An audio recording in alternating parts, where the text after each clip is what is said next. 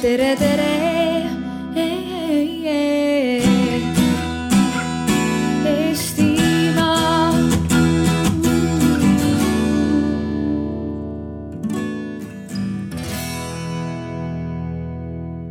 Tere õhtust, algab äh, Postimehe ala tänase päeva ja ühtlasi ka Arvamusfestivali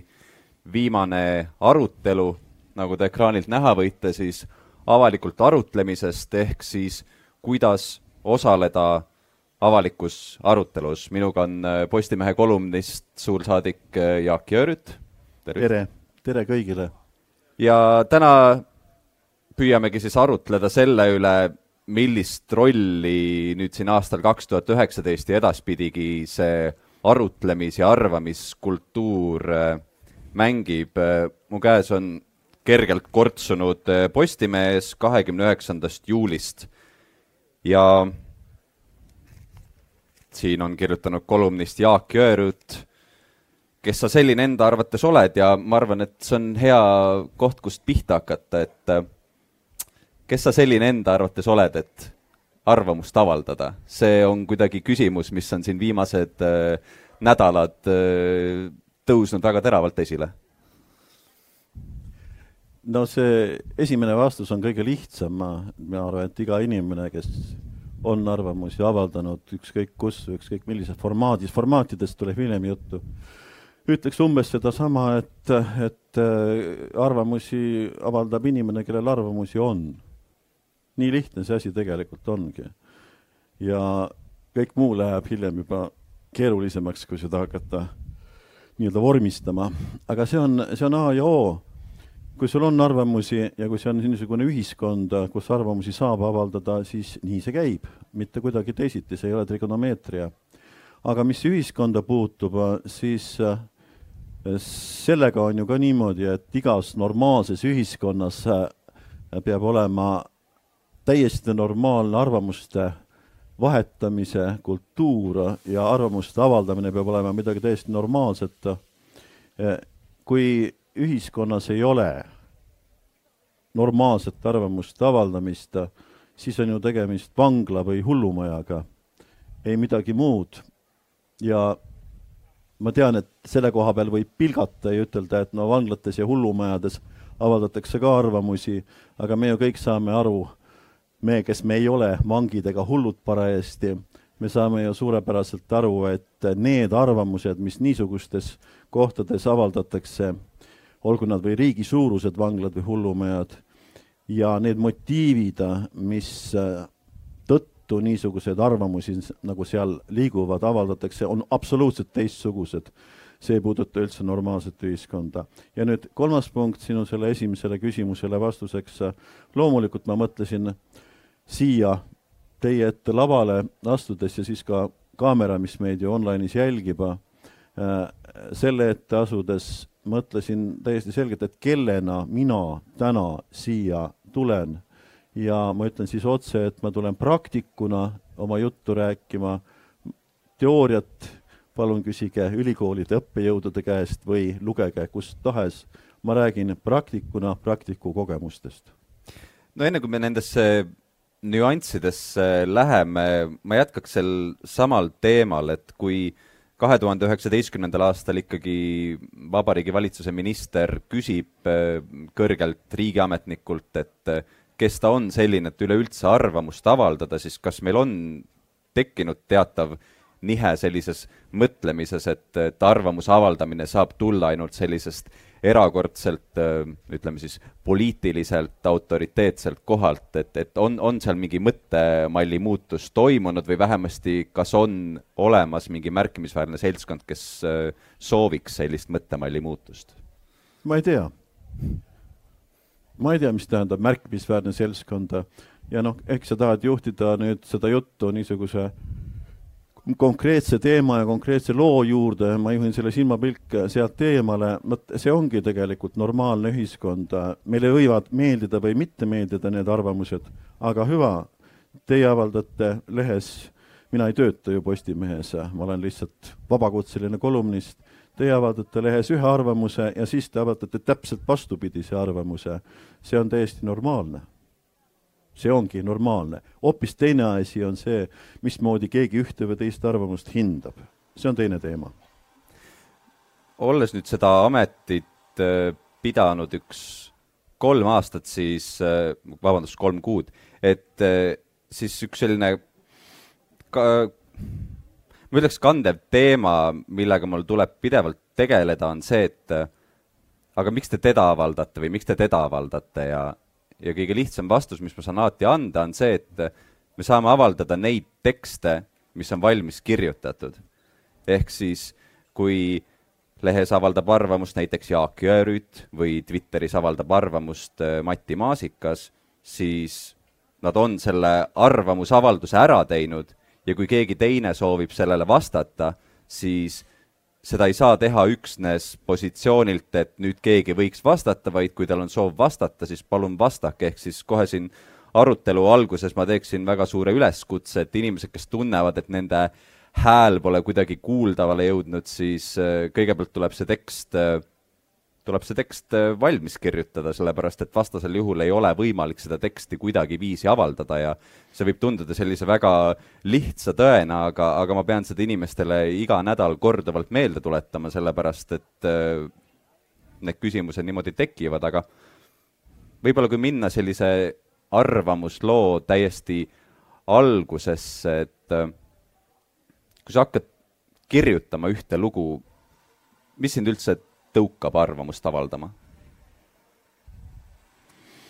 oi, see on hästi kapitaalne küsimus, sest niipea, kui sa praegu küsid seda, siis äh, kerib minu ajus mingisugune mootor hmm, hästi palju tagasi, sellepärast et äh, arvamust minu arvates ei ole mõtet laiale publikule laiali pritsida, kui, kui sul ei ole mingisugust enesekindlust see võib ka ekslik olla, aga sul peaks siiski olema mingi enesekindlus, et sellest asjast, millest sa üldse kirjutad, sa tead midagi. Ja see teadmine peab olema see, millele sa toetad oma arvamuse. nii et miks ma ütlen, et, et mälu hakkab kohe tagasi kerima, ega ilma niisuguse mingisuguse ala või mingisuguste teemade elukogemuseta, ega naljalt, minul on küll niisugune tunne, mingit arvamust ei avalda ma ei lähe näiteks mitte kunagi arvamust avaldama, ma ei tea, automootorite kohta, isegi mitte auto juhtimise kohta, sellepärast et ma ei ole kunagi ise autot juhtinud. ma kuulun, nagu ma siin täna juba paarile inimesele olen öelnud, mina kuulun sellesse Eesti vähemusgruppi, kellel ei ole isegi autojuhi lubasid, rääkimata autost. aga no on teisi asju ka, no tuntud kõigile, nii kirjutajatele kui lugejatele on see, see rahvakeelne ütlus, et äh, et noh, meditsiinist teab igaüks palju rohkem kui arstid. aga see jäägu, jäägu niisugusele kohvilaua või, või ma ei tea, sünnipäeva äh, viienda tunni jutuks, et äh, mida siis arstidest ja meditsiinist arvata. mina ei lähe mingil juhul kirjutama meditsiiniprobleemidest, ma ei tea sellest mitte midagi.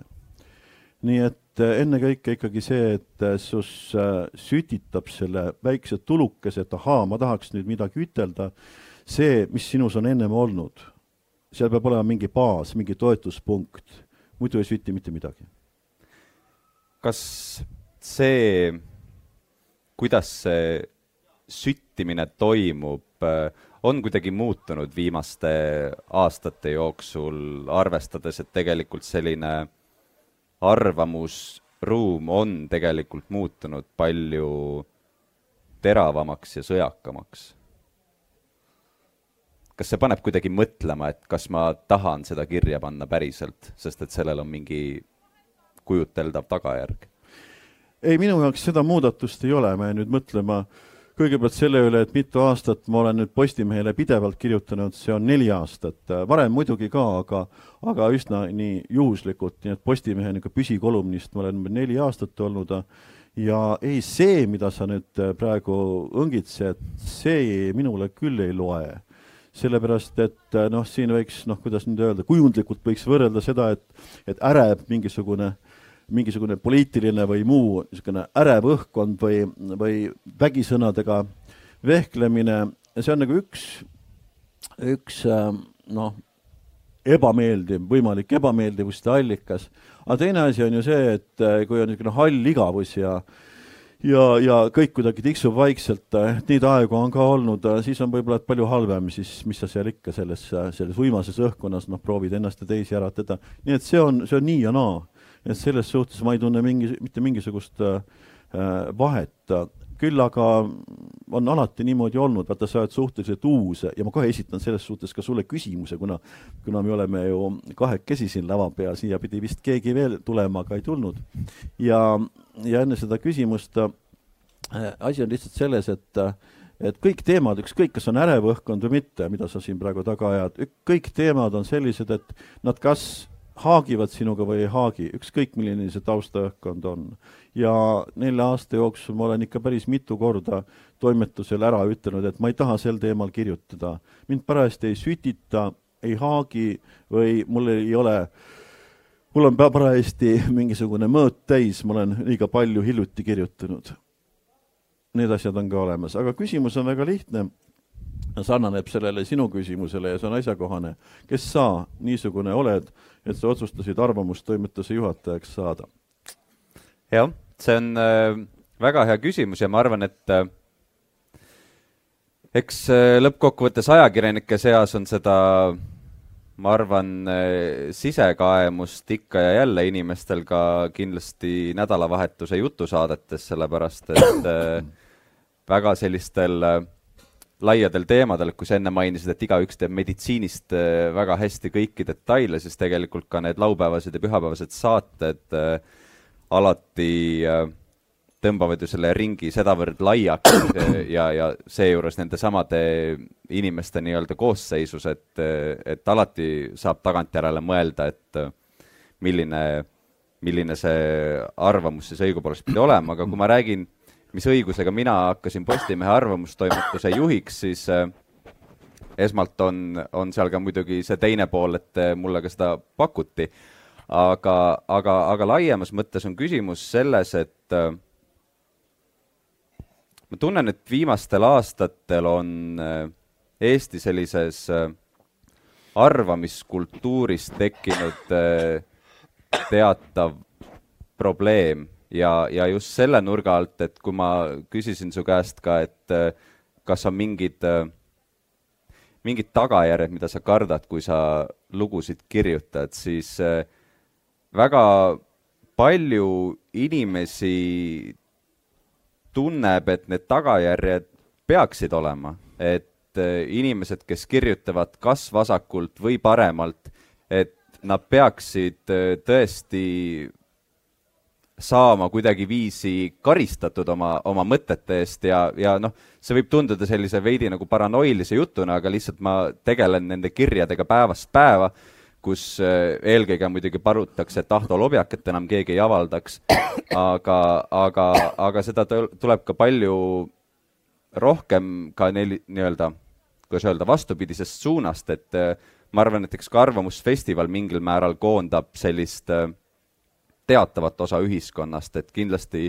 Arvamusfestival, kui ta seda ka taotleb, ei ole läbilõige ühiskonnast. ja, ja vahel, kui käia ka sellistel üritustel ja kõik koos nii-öelda noogutada sellesama jutu peale, siis tekib, tekib selline tunne, et ongi mingi selline kandev, kandev tõde ja need inimesed, kes sellest tõest hälbivad, ongi kuidagi põhimõtteliselt selle tõe vastased, ehk siis minu mure oli tegelikult see, et sellises teatavas pimeduses kaob ära võime kriitiliselt hinnata neid asju, mis, mis millel on tegelikult palju rohkem tahke, kui, kui, kui me ütleme, sellistes tavapärastes vestlustes avame, et äh, ka siin äh, tänavusel festivalil, aga varasemaltki on ju, on ju teemad näiteks nagu demograafia laiemalt, mille osa on ka immigratsioon, millest tegelikult on aina keerulisem ja keerulisem rääkida, sellepärast et äh, on selline kandev arusaam, eriti inimeste seas, kes üldjuhul ajalehes oma tekste vähemasti saadavad ja kes avaldatud saavad, et, et sellel on mingi üks selge lahendus ja need inimesed, kes seda ei usu, on kuidagi põhimõtteliselt äh, pimestatud ja elavad mõnes teises sajandis. ja ma ütleks, et äh, see demograafia ei ole kindlasti ainus nii-öelda tõukaja selles küsimuses, aga, aga, aga ka muudes teemades, et minu kartus oli ja on see, et et meil jäävad kuidagi kandma sellised tõed, mis, mis õigupoolest nagu ei olegi tõed, sellepärast et nad on lihtsalt kuidagi kinnistunud ja keegi ei julge neile vastu vaielda, kartes, et seekaudu teda visatakse sinna vastasmeeskonda, ehkki ta võib-olla ei tahtnudki seda meeskonda valida. Aitäh selle vastuse eest! Ja ma ütlen publikule nüüd, et me ei ole seda küsimust-vastust kokku leppinud, mul ei ole olnud varem ka kohvilaua taga võimalust sult seda küsida ja mõtlesin, et selle tembu ma teen. sellepärast, et see puutub kõvasti sellesse arvamuste vahetamise kultuuri, ma ütleksin nüüd, täiendades ühte sinu eelmist küsimust mulle, et ähm, arvamuste avaldajal tõenäoliselt ka Postimehe kolumnistil on veel muid formaate, aga ma ütlesin, et selle juurde me tuleme, on palju lihtsam noh, kanda seda ebamugavust, mida väikest ja suurt, kuidas kellegi närvid on, mida, mida sa loomulikult saad, kui sind tabab mingisugune, mingit kanalit pidi mingi sõim, äh, kus on läbisegi vägisõnad, vale ja nii edasi. ma arvan, et äh, sinusuguse inimese ja noh, toimetuse töötajate roll on palju raskem, sellepärast et te peate korraga tegema, sa seletasid juba seda põhimõtet ära, väga palju valikuid, olema väga mitmes mõttes filter nii heas kui halvas mõttes ja nii edasi ja nii edasi ja tõenäoliselt see kriitika, kui hästi pehmelt ütelda, on ikkagi toimetuse suhtes palju ägedam, ma kujutan seda ette, kui, kui nüüd ühe kolumnisti suhtes, on vist nii? jah, e, ütleme, et eks, eks sellele tööle kindlasti lisabki tegelikult e, stressi, et kui me räägime sellest, et inimestel on arvamused e, teemade suhtes, nagu näiteks meditsiin või kooliharidus, siis võib kindel olla, et neil on arvamus arvamuste kohta. ja, ja tegelikult see ikkagi viib olukorda, kus noh, ütleme meili teel on kindlasti palju lihtsam olla ka väga ebameeldiv võrreldes sellega, mis on see näost näkku suhtlus ja sestap oleme ka täna väga heas olukorras, kus tegelikult vestluse teises pooles ma sooviksin ka publiku arvamust teada nende arvamuste kohta, aga, aga kindlasti on väga eks seda on muidugi tagantjärele nii-öelda raske hinnata, aga märkimisväärne osa, kes,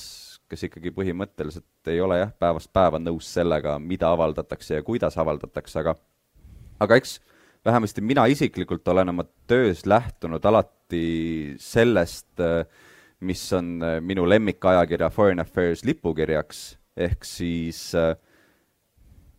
see väljaanne ei esinda ühtegi maailmavaadet mida ta esindab või millele ta tahab võimalust anda, on arvamustele, mis on esitatud äh, tõeselt, kõige laiemas mõttes siiralt, äh, faktipõhiselt ja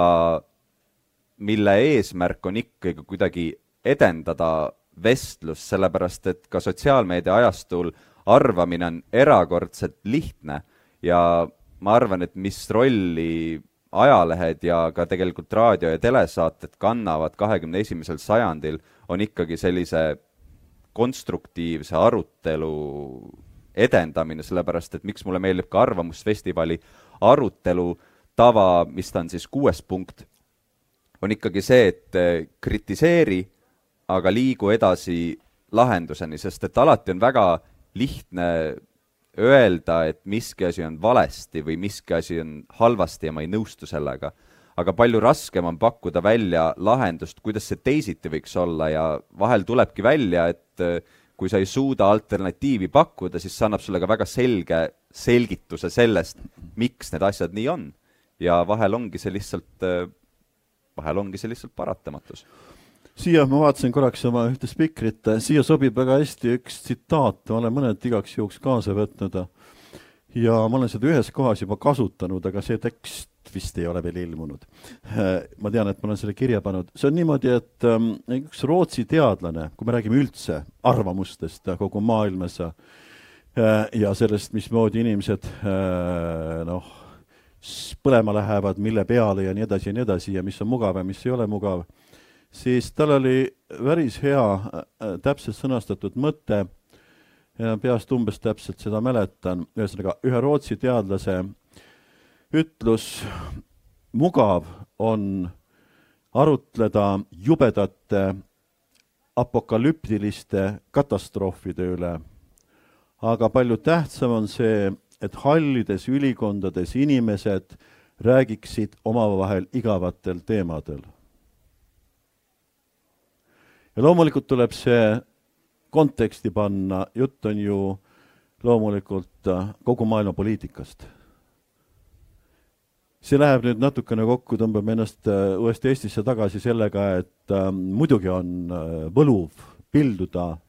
igasuguseid sädemeid, olgu nad siis valusad või, või valed või mis iganes, aga noh, et tõmbab sellel kliki ajastul, kus me elame äh,, klikid avaldavad mingisugust mõju loomulikult ärimaailmas. Ja siis osa inimesi läheb selle liimi peale, et proovib ka oma tekste äh, sinna, sinna klikimaailmasse suunata, et võimalikult palju neid saada, aga just see, et äh, hallides ülikondades kujundlikult võttes poliitikud või poliitilised ametnikud tegelevad probleemidega rahulikult, omavahel igavalt seda asja arutades ja väga kaua arutades, see on see, mis tegelikult meie elu määrab, mitte nende valusate sädemete pildumine. jah, ma lisaksin siia mõttena seda, et sellisel väga makrotasandil on väga lihtne arvata, see tähendab eelkõige seda, et äh, ka mis, mida tänavu on saanud äh, siin Arvamusfestivalil kuulda, on näiteks kliimadebatid või äh, ma arvan, et kliimadebatt on võib-olla kõige parem näide sellest, ehk siis see, et äh, me saame kõik sellises sajandi lõikes aru ju sellest, et, äh, et kliimamuutused äh, toimuvad. On valdav konsensus, et eh, inimestel on selles kandev roll, aga rääkida üksnes sellest, et eh, lõpetame tarbimise, läheme üle taastuvenergiale, on sellise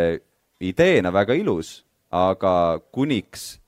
ja nüüd me jõuame ka nii-öelda arvamusartikliteni, kuniks me ei paku välja lahendusi, kuidas seda teha, senikaudu on erakordselt raske tõsiselt võtta kõiki neid suuri idealistlikke lugusid, sellepärast et äh, mis, mis on see alternatiiv? mis, mis on see võimalik äh, lahendus sellele, et, et sinna jõuda näiteks paarikümne aastaga ja kui me ei suuda seda protsessi ära kirjeldada nii-öelda jupitades, siis, siis on sinna ka erakordselt raske jõuda, jah, see jätab meist väga hea mulje, kui meil on sellised progressiivsed ideed, aga kuidas me lahendame selle küsimuse? Äh, kas ma võin nüüd minna selle juurde, mis, mida ma algul lubasin, äh, see on see praktiku kogemus, sest me räägime praegu arvamustest, arvamustest, aga ma olen kaks korda juba viidanud, et äh, räägime formaatidest ka. ja sest inimesed üldiselt arvavad, et noh, arvatakse, arvatakse, ükskõik kuidas, ükskõik kus, ükskõik mismoodi. no ma olen kirjutanud Postimehesse erineva pikkusega lugusid, aga tõenäoliselt publik ei tea, et ähm, on kolm põhilist formaati, see siis umbes kolm tuhat, umbes kuus tuhat ja umbes üheksa tuhat tähemärki.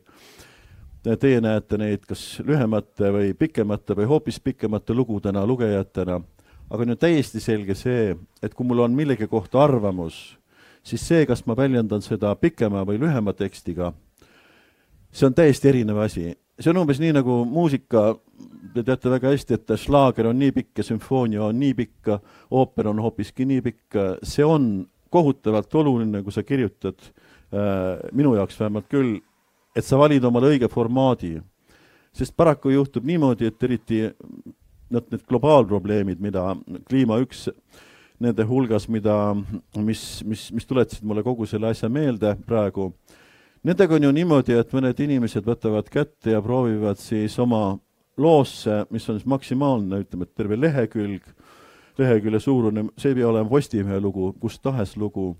või mingisugune ettekanne kusagil äh, koosolekul, proovivad siis mahutada terve planeedi, kõik oma südamemured, kuu, päikese ja tähed ka, ja siis sa lõpuks lihtsalt ei saa aru, millest see inimene kirjutab ja mis on tema probleem ja tema sõnum ja see formaadi valik äh, on minu arvates nüüd praktiku seisukohast vaadates kohutavalt oluline. peale Postimehe ma olen siis äh, vahetevahel kirjutanud veel Akadeemiale lugusid, ajakirjale Looming lugusid, üks äh, formaat on siiski viiekümneminutiline loeng ööülikoolis, Sirp ja kõned siin ja seal, kõnede pikkused teatavasti on ka, vahest palutakse sul seitse minutist, vahest kakskümmend seitse minutit. selle asja ettevalmistus ja selle fokusseerimine, et üldse mingi sõnum kusagile jõuaks, need on kõik täiesti erinevad asjad. miks ma seda tahan siin praegu rääkida, aga sellepärast, et vahest küsitakse minu käest, et aga miks sa kirjutad neid lugusid. sa küsisid alguses, et kes sa niisugune oled minu käest küsitakse tihti, et aga miks sa kirjutada ja see on loomulikult omale ka probleem, et mis see põhjus on, kas ma oskan neid põhjusi sõnastada? teate, esimene põhjus tegelikult on täiesti isiklik. see on see, et mul võib olla mingisugune hoiak, ma usun, et see on nüüd paljudele tuttav, millest ma räägin, olla mingi hoiak millegi suhtes ja ma umbes arvan midagi.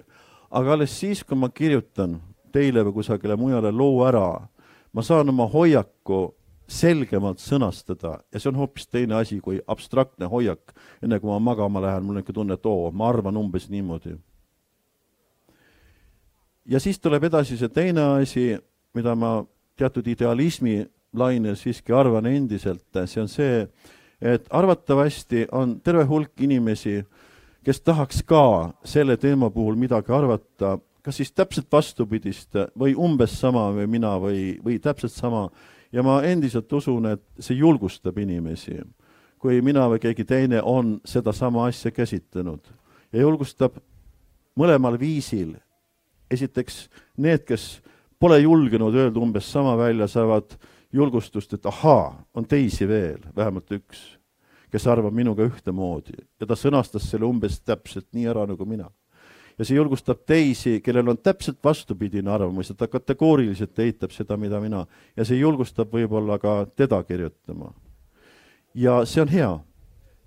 ja kui ma enda peale mõtlesin, noh, enne siia tulekut, et mida ma siis praktikuna räägin, siis siia juurde tuleb lisada nüüd veel üks sõna, see on impulss. ja see kuulub ka sellesse suurde arvamuste vahetamise maailma ja minuga on mitu korda juhtunud just nimelt teile kirjutades lehte,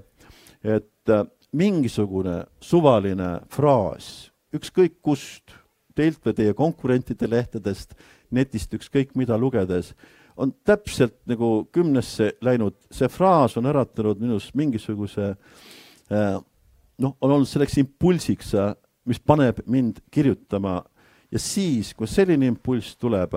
see on äärmiselt lihtne, see kolm tuhat või siis ka üheksa tuhat tähemärki valmis kirjutada ja sellepärast, et ma olen seda ise tundnud, ma julgen seda rääkida. ja ma arvan, et mõned teised on siis mõnel muul puhul umbes samamoodi tundnud. ja see kuulub nüüd noh, see on natukene see köögipool, aga see kuulubki selle hulka, ega siis me kõik teame, et igal pool on köögipool olemas. mina ei tea täpselt, kui palju tunde peab laps, kes otsustab, saada klaveri virtuoosiks, kui palju ta peab elu jooksul iga päev harjutama, aga ma arvan, et see on täiesti astronoomiline arv tunde, ilma köögipooleta ei tule mitte midagi.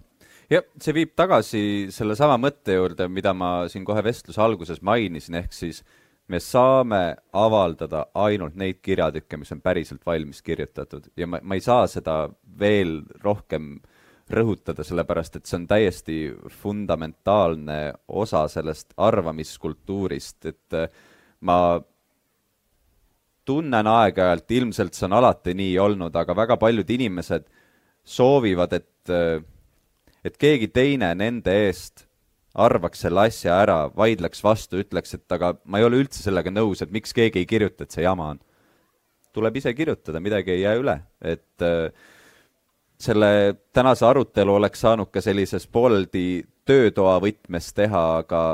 aga, aga ma tunnen, et kui me soovime ikkagi seda, et et me tõesti tahame nende teemade üle argumenteerida ja me tahame aktsepteerida seda, et ka selle ühe koma kolme miljoni inimese seas ja taandame sealt ära ka ütleme nii-öelda imikud ja kõik muud, kellel veel oma nii-öelda adekvaatne arvamus puudub, siis ka selle seltskonna seas on ju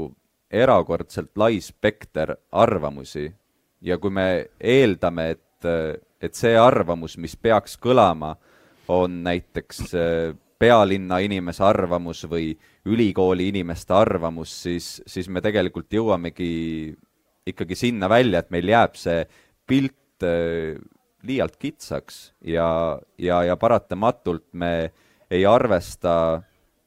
ei arvesta nende asjadega, mis meie igapäevaelusse mitte kuidagi ei kuulu. Ja, ja see on ka see asi,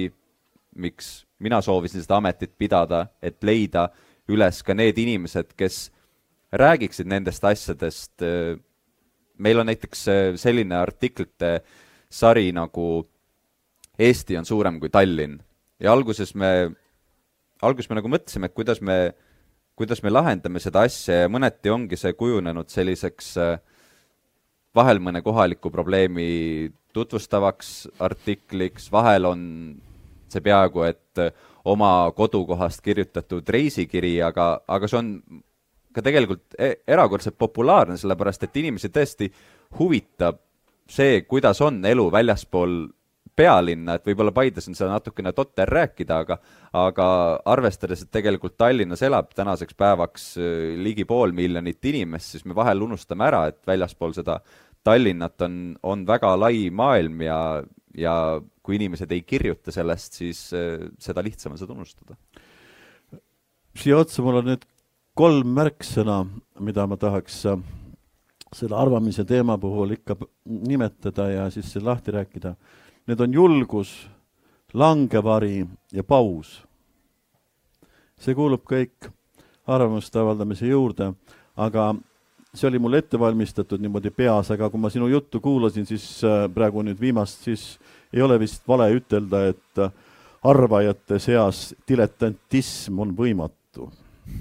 See tuletab ka ühtlasi meelde ühte mu õppejõudu Uno Mereste, ma olen tipi majandusteaduskonna lõpetanud. Ah,, see oli Tallinna Polütehniline Instituut. ja, ja statistikakateedri juhataja Uno Mereste, kes hiljem sai ka Riigikogu liikmeks ja akadeemikuks, tema armastas rõhutada oma tudengitele ja hiljem omavahelises vestluses ka sõpradele, et tema arvates päästavad lausa maailma ja on alati päästnud diletandid. ja siis ta rääkis muidugi selle teema lahti, näiteks näitena ta pidas ka Einsteini diletandiks. ta ütles, et avastused tulevad sealt, kus ei oodata ja see otsige ise oma ajudest näiteid, see on jumala tõsi. ja see puudutab seda arvamuste avaldamist ja ka loomulikult seda, et kui nüüd proovida, eks ole, nagu sa ütled, et toimetust, toimetusi proovitakse suruda niimoodi, et aga miks te seda ja miks te seda ja ei tohi niimoodi ja, ja selles vaimus suunata, no see ongi siis tiibade kärpimine ja, ja võimalike arvajate, Einsteinide eemale tõrjumine. aga nüüd julgus, no loomulikult mingisugune julgus peab olema tegelikult ju ka igas kodus, kas sa julged ütelda emale midagi vastu, et sul ei ole õigus või sealt hakkab see kõik peale, mingi julgus peab sul olema avaldada oma arvamust, sest see on minu arvamus. ja nüüd langevarju teema. et see on viimasel ajal mul tulnud mulle nagu ise kätte, mõned inimesed on mõnede teemadega seoses nimetanud mõnesid nimesid, ma ei taha nimesid nimetada, see ei ole, see ei oleks aus, sest teema on ka kogu, laiem kogu maailmas. nimelt, vahetevahel tundub inimestele, et mõni inimene avaldab nüüd ootamatult mingi arvamuse sellepärast, et tal on nii-öelda eluline langevari olemas. selle all mõeldakse niisugust seljatagust kindlustust, mis on talle ootamatult tekkinud või nüüd lõpuks tekkinud ja nüüd ta teeb suu lahti. ja vaat varem ta poleks teinud, kui tal ei oleks, ütleme, niisugust rahalist või karjäärilist äh, langevarju olnud, et niisugune pehme maandumine on igal juhul garanteeritud, ükskõik millist jubedat arvamust ei avaldaks. ja, ja vahetevahel on toodud näiteid ka ja mina olen sellele kõvasti vastu vaielnud, aga miks? Jah, niimoodi võib ju arvata, et võib-olla tõesti, et varem oleks ta suu kinni olnud. aga tegelikult elukogemus ütleb seda, ma olen seda lihtsalt liiga palju näinud, et on kohutavalt palju inimesi nii Eestis kui terves maailmas, kellel on a priori igal juhul mingisugune geniaalne langevari alati olemas ja nende suu on nii lukus kui lukus, sest nad on lihtsalt mugavad. ja ja kolmandaks märksõnaks, see kuulub sinna juurde, see on nii lihtne aru saada, on paus. ükskõik kui tore ei ole kogu aeg arvata, paus on see, mis tegelikult tõe kuuldavaks teeb vahetevahel. kui kogu aeg arvata, siis see kõik muutub ainult müraks. ja kes pausi tähtsuse üle tahab sügavamalt mõtelda, no see pange Arvo Pärti muusika peale või võtke ta kuskilt ja mõelge, missugune on pausi tähtsus Arvo Pärdi muusikas ma arvan, et siinkohal on võib-olla hea proovida teha esimene ring äh, publiku arvamustest või vähemasti küsimustest. mul on siin mikrofon, kui on soovijaid, tõstke käsi, arendame seda vestlust edasi.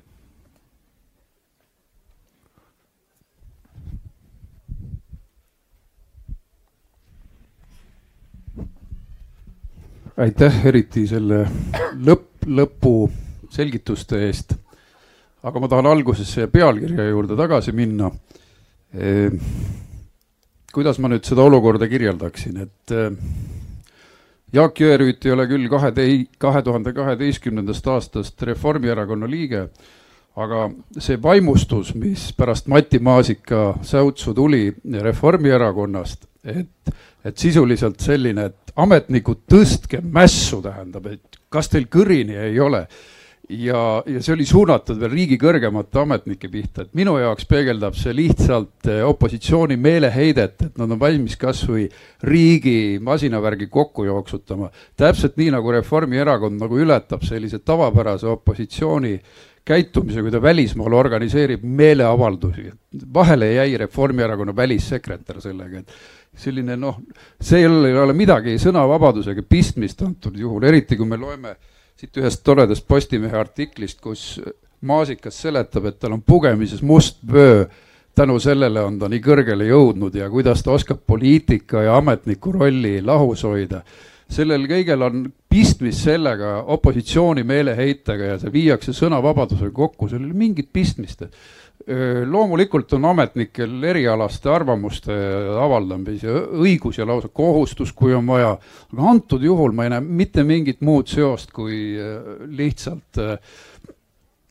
opositsiooni meeleheide, et ärge siduge seda praegu sõnavabadusega, et pigem ametnike riigiga, kus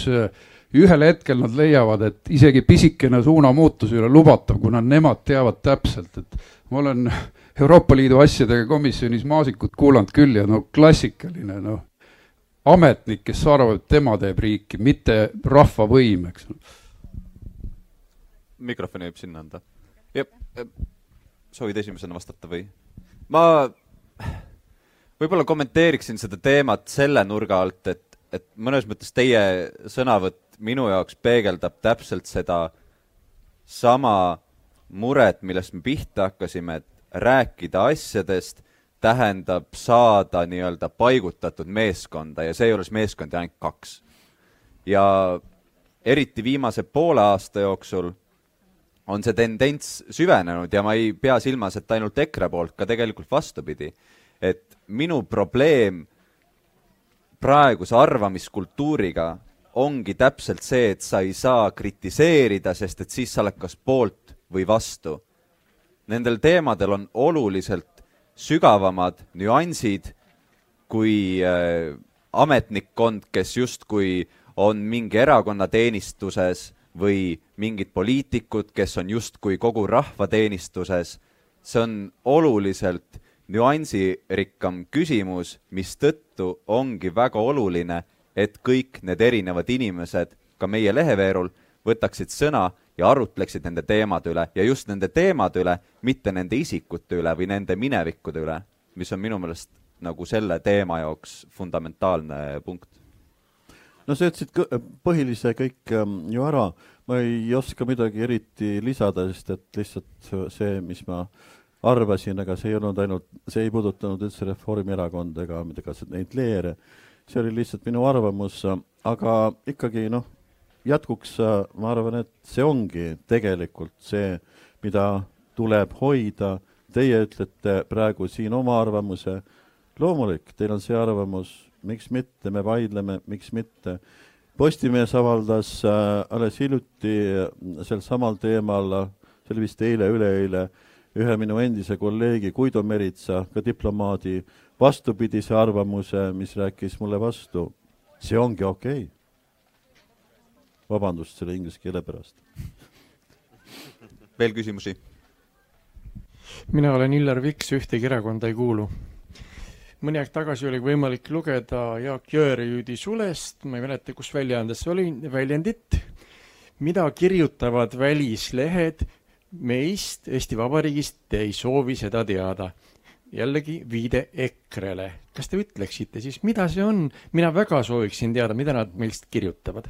Jaa, ma seda oskan kohe vastata, see oli Postimehes, aga te tegite nüüd jälle pisikese, aga üsna olulise vea, see on tõenäoliselt, ei mäleta päris täpselt seda tsitaati, see on sellest samast artiklist, mida alguses näidati.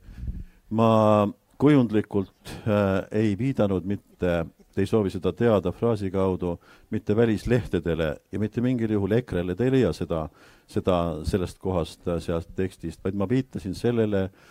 lihtsalt oma paarikümneaastase kogemuse põhjal, see on päris pikk olnud äh, diplomaaditööna, mida võivad kirjutada teiste riikide diplomaadid oma asukohariigi poliitikast ja poliitikutest. ma tean seda lihtsalt ma olen olnud seitsmes riigis suursaadik, ma tean seda natukene, ma olen suursaadikutega ja teiste diplomaatidega nii palju suhelnud, see on kujund, mida ma ütlesin. Ja see on selles mõttes noh, niisugune kontsentreeritud kujund, see viitas lihtsalt sellele, mina ka ei tea seda täpselt, aga ma kujutan seda üsna hästi ette. ja kui te nüüd tahate konkreetset näidet,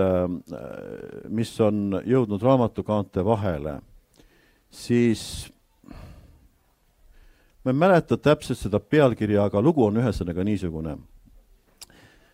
Äh, Ühendkuningriigi süsteemis Briti diplomaadid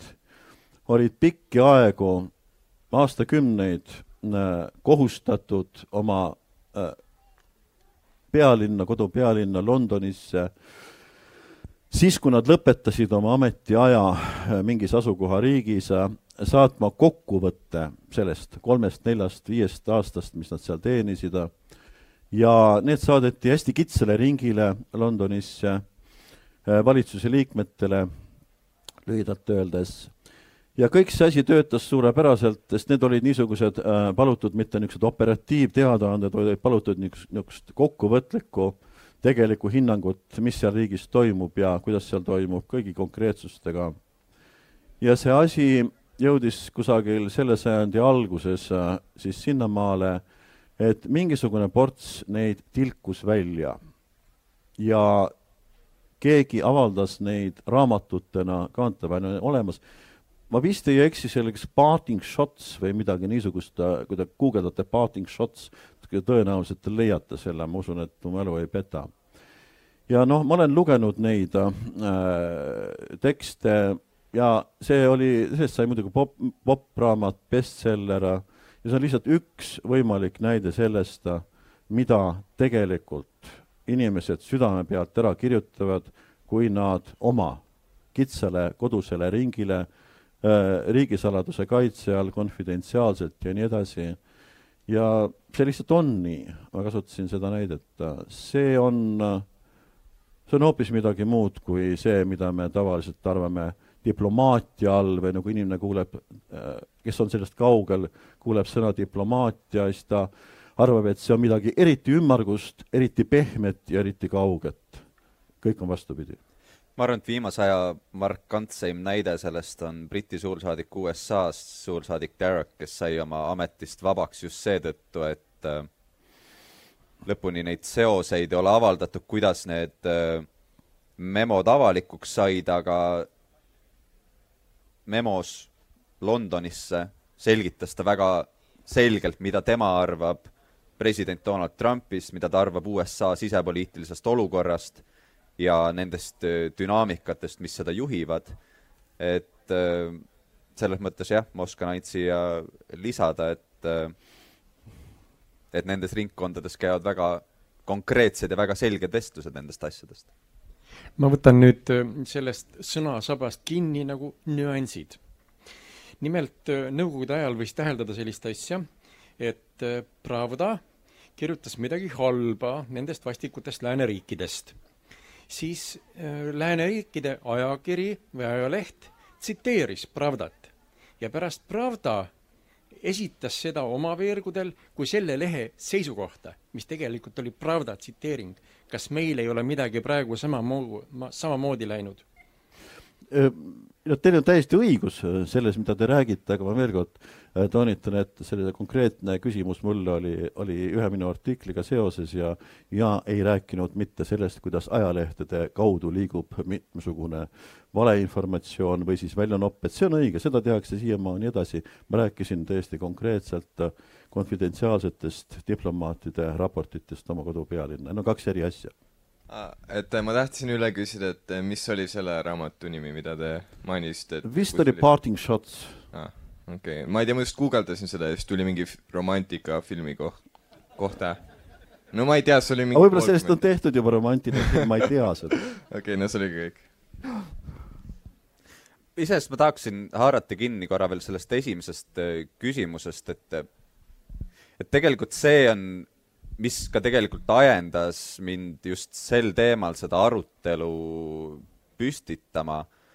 ongi, ongi see probleem, et, et me justkui ei, ei saa enam nendest asjadest rääkida, ilma et me peaksime olema kas sots või ekreiit, et muud varianti ei ole, et sa oled see äärmus vasakpoolne ja äärmus parempoolne ja, ja kui sa valid selle oma äh, seisukoha või, või kui sa väljendad oma seda seisukohta mingi, mingis võtmes, siis sa oled justkui juba selle meeskonna valinud ja, ja see tähendab ka seda, et teistes küsimustes arvad sa seda, seda, seda, sellepärast et kõik need teised inimesed arvavad seda täpselt samamoodi. et ma arvan, et sellise terve ja värske arutelukultuuri juurde käivad needsamad nüansid, väga mitmes teemas on need nüansid väga palju erinevad ja, ja küsimus ongi selles, et mis siis lõppkokkuvõttes meie eesmärk on, et äh, vähemasti minu selline ellusuhtumine on ikkagi see, et äh, ütleme, üheksal juhul kümnest on erinevates küsimustes võimalik leida võrdlemisi konstruktiivne lahendus, mis vähemasti toetub mingil loogilisel äh, mõttekäigul, mis ei ole tingimata sellistest süvaväärtustest lähtuv ja, ja kui me peame seda silmas, siis me saame ka nende teemade üle debateerida, et iga, iga küsimus ei ole tegelikult maailmavaate küsimus. ja tere, äh, minu nimi on Mats, ma töötan Tartu Ülikoolis. Äh, muuhulgas õpetan inimestele kriitilist mõtlemist, mida ma püüan siis tihti õpetada sellises formaadis, et ma lasen neil lugeda erinevaid arvamusartikleid ja siis ma lasen neid siis neil nagu ümber jutustada. ja ma püüan alati leida siis selliseid arvamusartikleid, mida on nagu hea ja lihtne ümber jutustada, kus on hästi kirjutatud. ja püüan leida neid, mis on halvasti kirjutatud, et siis tudengid saaksid aru, kuidas noh, kehvasti kirjutatakse. ja ma tahtsin siis küsida, et nüüd, kui see teema meil on siin see, kuidas avalikult arvata, et kas ähm, kuidas teile tundub, eriti ma arvan, toimetaja seisukohta oleks huvitav kuulda, et kas äh, avalik arutelu võidaks sellest, kui kehtestataks lisaks sellele, et on tähemärkide piir, kehtetataks ka natukene niisugused nagu tugevamad normid või standardid selle kohta, et mismoodi peab üks lugu olema vormistatud. et noh, näiteks ülikoolis, kui me õpetame tudengitele, kuidas kirjutada, siis me ütleme, et noh, nagu hea rusikareegel on see, et esimene lause ütleb, mis on selle artikli seisukoht. selles artiklis kaitsen seisukohta, et ja siis sisu, see sissejuhatus natuke tutvustab, kuidas see artikkel edasi läheb, on ju. ja siis on niimoodi, lähtun eeldusest üks, lähtun eeldusest kaks, nendest eeldustest teen järelduse. selle asemel, et noh, niimoodi luuleliselt jutustada, eks. et noh, kuidas ta tundub, et kas, kas, kas me võidaksime sellest, kui me kehtestaksime mingisugused niisugused nagu noh, nagu tugevamad standardid, mis nõuaksid teatud laadi niisugust akadeemilist selgust, selle asemel, et inimesed kirjutavad nii, nagu neile tundub hea. aitäh ma arvan, et äh, kindlasti selliseid akadeemilisi standardeid ei saa kehtestada ainuüksi seetõttu, et ühe arvamusloo või sellise ka hea essee tugevus tuleb ikkagi sellest, et sellel on just tollesama autori käekiri ja, ja, ja selline maailmatunnetus, mis sellest stiilist äh, väljendub. aga, aga laiemalt on muidugi see mõttekoht toimetajatele küll, et ma arvan, et aja jooksul on väga palju väga väga keskpäraseid artikleid avaldatud, mis on keskpärased nii oma selliselt loogiliselt mõttekäigult kui ka puhtalt selliselt grammatiliselt ülesehituselt, nii et et selles mõttes eks me ju ise ka iga, iga päev mõtleme järele, et mida, mida saab paremini teha ja mida, mida on halvasti tehtud. aga ma arvan, et laiem küsimus nende arvamuslugude puhul on lihtsalt see, et kas sul on midagi öelda või ei ole. ja, ja see tundub selline lihtne teemapüstitus, aga aga väga paljud öö, lood, mis postkasti potsatavad, on ikkagi, sa loed selle läbi, seda on raske lugeda ja kui sa oled selle läbi lugenud, siis pole õrna aimugi, mida inimene öelda tahtis. ja, ja seda on väga palju. ma, kui te seda küsimust esitasite, et mul tuli kohe niisugune tunne, et aga öelge nüüd palun, kas mul on vale mulje või mitte, et kas te olete natukene, kas te olete näiteks Ameerikas õppinud või? sellepärast, et ähm, see lähenemine millega te alustasite, meenutas kangesti, ma olen kuulnud ähmasemalt äh, nii-öelda ameerikalikku uudiste edasiandmise või lühikõnede äh, pidamise või intervjuude konstrueerimise stiili, kus väidetakse, eriti CNN-i maailmas, ma olen kuulnud väidetavalt, peab esimese kahekümne, kolmekümne sekundi jooksul ära ütlema, millest su jutt tuleb. kas see impulss on sealt pärit või? ei, see impulss on pärit sellest, kuidas filosoofias kirjutatakse häid esseesid sa kirjutad selle mõttega, et sinu mõte jooks kohale, et, et inimene ei eksiks sinu teksti sisse ära. ja kõige lihtsam viis seda teha ongi see, et sa ütled esimeses lauses, et nagu minu artikli eesmärk on kaitsta seisukohta, et noh, ma ei tea, et Rail Baltic on halb mõte Mm -hmm. ja siis sa ütled, et näed, ma lähtun oma arutelus järgmistest eeldustest mm, -hmm. seletad oma eeldused lahti, ütled, aga nendest eeldustest tuleb selline järeldus mm -hmm. ja järelikult ma olen tõestanud oma teesi, et Rail Baltic on halb mõte, on ju et selle asemel, et lihtsalt rääkida sellest ja teisest ja kolmandast ja neljandast mm -hmm. ja siis on nii, nagu toimetaja ütleb, et luges artikli läbi, aga aru ei saanud, millest räägiti, eks. ei no see igatsus on iseenesest ju ilus ja selles on oma uba, aga noh, ma ei tea, kirjutajana mulle tundub seda, et, et päris range reegli tee peal seisavad ees niisugused takistused nagu esiteks inimeste erinev iseloom, mõnele sobiks niisugune asi, mõnele ei sobiks. Teine asi on see, et erinevad teemad, ma kujutan kuidagi ette, et mõni teema lausa nõuab niisugust lähenemist, mõne teema puhul oleks mõni teine lähenemine parem. Kolmandaks tuleb mulle pähe, kui te ütlesite seda, et noh, et kuidas teha vahet heade ja halbade lugude vahel, noh, teate ju kindlasti haritud inimesena, et et siiamaani käib vaidlus, jääb igavesti käima vaidlus, et mõnele meeldib Tolstoi ja mõnele Dostojevski ja jääbki see vaidlus lõpuni, miks see niimoodi on? Äh, ühele läheb see peale, teisele mitte. aga oma praktikast ma lihtsalt ütlen seda, et mina ei tea, mis on hea. Ja ja ma võin täiesti ausalt ütelda seda, et äh, ma saan täiesti selgelt aru, et mõni mu lugu tuleb äh, noh, mulle endale kergemini ja mõni mitte, ma proovin oma arvamust sõnastada, aga siis tahad teada saada, kus see mõõdupuu on. üks asi on see, mida teie nimetasite, et noh, et et niimoodi akadeemiline kõrvaltvaade, see võib ka üks mõõdupuu olla aga no puhtpraktikas, mida ma olen jälginud ise äh,, Postimehe puhul on online'is väga lihtne ju jälgida seda, et kui palju kordi seda on Facebooki jagatud. Kommentaarium, mitu korda on kommenteeritud, see nagu suurt ei ütle, sest tihti kommentaatorid hakkavad seal omavahel vaidlema ja noh, see ei ole nagu reageering nii palju loole kui omavahelisele niisugusele huvitavale jutuajamisele. Facebooki jagamine on mingi indikaator ja siis teine asi, vahetevahel küsin toimetusest, et mitu klikki on olnud, ühesõnaga, kui palju seda on loetud. loomulikult on aru saada seda, et see, kõik see lugemine, klikkide arv näiteks ei tähenda seda, et kõigile see lugu meeldib, aga noh, ta läheb, kõnekeeles öeldes, ta läheb peale. ja, ja kui ma seda olen nüüd nelja aasta jooksul noh, suvalises ebakorrapärasuses jälginud, siis äh, teate, minu mulje on see, et see on üks, üks nõiduslik maailm ja see ei allu ka akadeemilistele reeglitele. miks mõni lugu läheb peale, miks ei lähe, miks mõnda jagatakse rohkem, miks vähem, see on üsna müstiline. toimetusel võib olla teine seisukoht, ma ei tea, aga niimoodi noh, diletant jälgijana, huvilisena asja vastu, see on üsna müstiline, mis läheb ja mis ei lähe tere,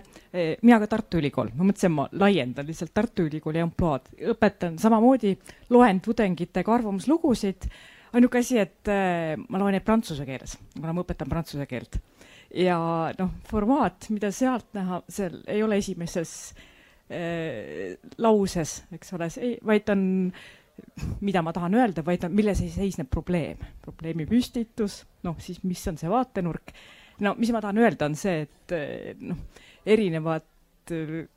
keeled, kultuurid ja noh, neid mudeleid, kuidas kirjutada, neid on loomulikult, neid on rohkem, noh, sellepärast ei saa ka mingi sellist äh,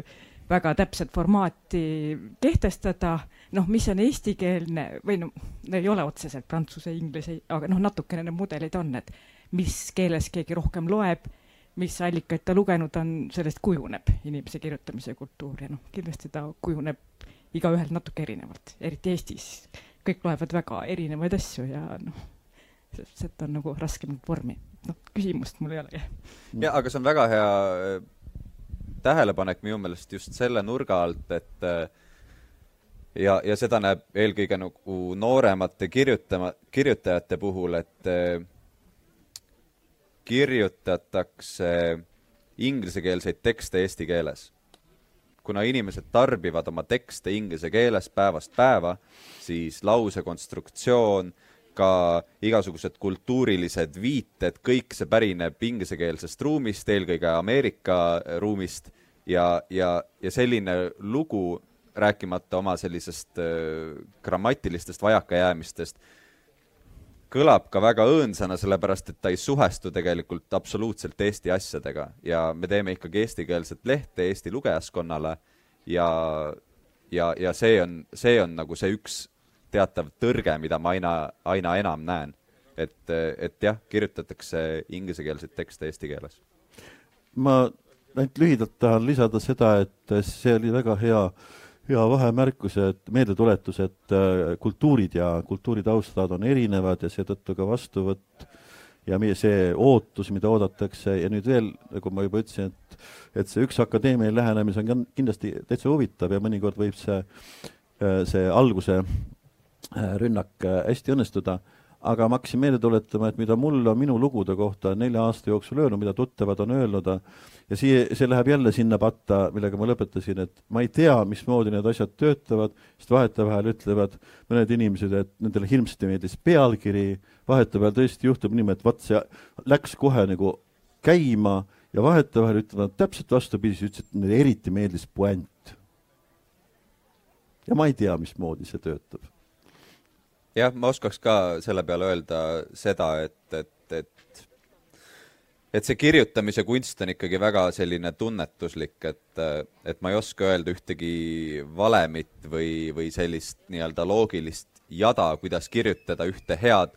arvamusartiklit, tal on kindlasti omad eh, konkreetsed eh, tunnused, nagu seesama konstruktiivsus ja, ja selles mõttes ikkagi mõtteloogilisus, aga, aga mõneti nende lugude võlu ongi see, et nad on väga, väga erimoelised. kas meil on veel küsimusi?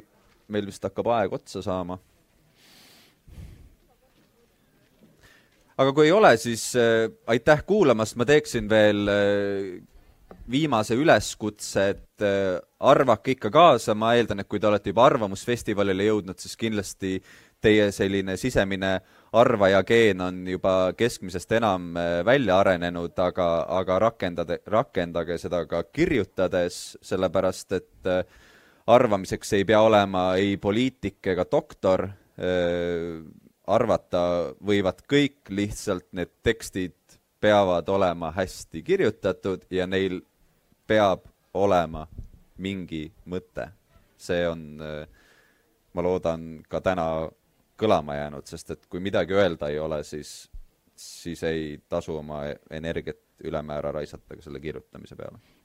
aga aitäh kuulamast! aitäh, aitäh.